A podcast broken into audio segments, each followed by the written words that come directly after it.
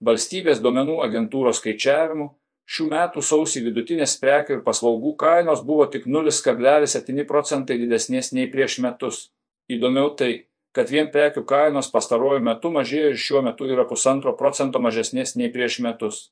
Kodėl kai kurios prekės atpigo ir ar ši tendencija galėtų tęstis ir šiemet, labai tikėtina, kad jau pavasarį metinė infliacija bus artima nuliui, vidutinės kainos bus tokios pačios, kokios buvo prieš metus.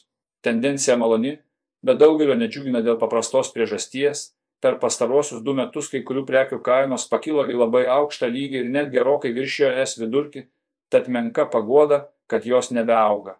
Pavyzdžiui, nuo 2021 metų rudens maisto produktai Lietuvoje pabrango daugiau nei 40 procentų, tad jų atpigimas 1 procentų daugeliu nėra pakankama priežastis švesti. Vis tik sparčiai tirpstantis infliacijos likučiai reiškia bent tris geras naujienas.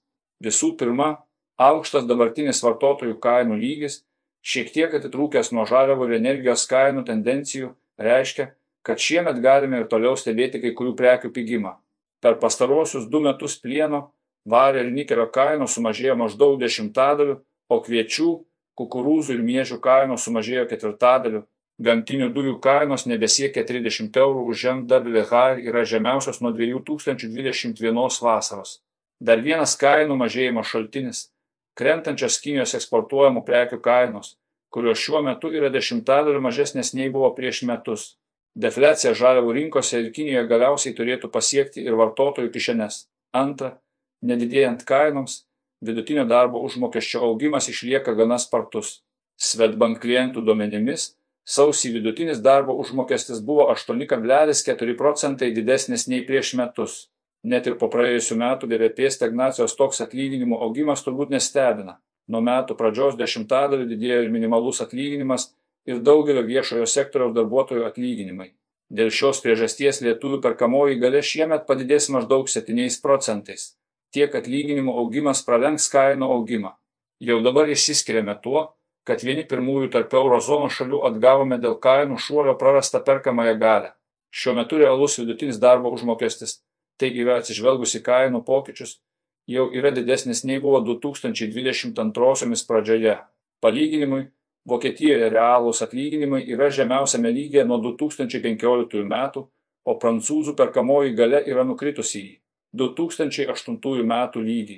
Trečia gera naujiena yra tai, kad eurozonoje sparčiai blėstant infliacijai, Europos centrinis bankas ECB greitai nebeturės priežasčių laikyti palūkanų normas rekordinėse aukštumose. Šiuo metu Euribor ateities sandoriai rodo rinkos lūkesti, kad ECB palūkanas mažins jau balandį arba birželį. Šis sprendimas labiausiai priklausys nuo to, kaip sparčiai per artimiausius kelias mėnesius mažės infliacija eurozonoje. Vis tik matant žaliavų ir energijos kainų tendencijas bei jau du metus krentantį vartojimą eurozonoje, labiausiai tikėtina, kad infliacija mažės sparčiau nei prognozuoja ECB.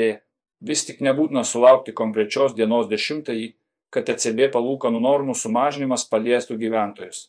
Vien rinkų lūkesčiai, kad artimiausioje ateityje centrinis bankas mažins palūkanas. Veikia jau dabartinį Euribor. Šešių mėnesių Euribor piką pasiekė praėjusiu metu rudenį, tuomet jis siekė 4,1 procento, o dabar yra nukritęs 20 bazinių punktų iki 3,9 procento. Ši mažėjimo tendencija turėtų tęstis visus metus, o metų gale Euribor turėtų artėti prie 2,5 procentų. Žinoma, reikia pripažinti, kad geopolitinių neramumų kontekste galimi tiekimo grandinių sutrikimai bei kiti nemalonūs netikėtumai. Pastarąjį mėnesį dėl gučių išpolių Raudonojoje jūroje beveik visiškai sustojo krovininių laivų srautas Sueco kanale. Dėl to konteinerio gabenimo kaina iš Šanchajaus į Rotterdamo uostą pabrango nuo 1500 iki 4500 dolerių. Tai yra gerokai mažiau nei 15 tūkstančių dolerių pikas, pasiektas 2021 metais, tačiau trumpuoju laikotarpiu gali kilstelti kai kurių prekių kainas. Taigi, su sąlyga, kad šiemet pavyks išvengti geopolitinių įtampų didėjimo, labiausiai tikėtina, kad eurozonoje šiemet matysime sparčiai mažėjančią infliaciją paskui jas krentančiais palūkanų normas ir atsigaunančią gyventojų perkamąją galią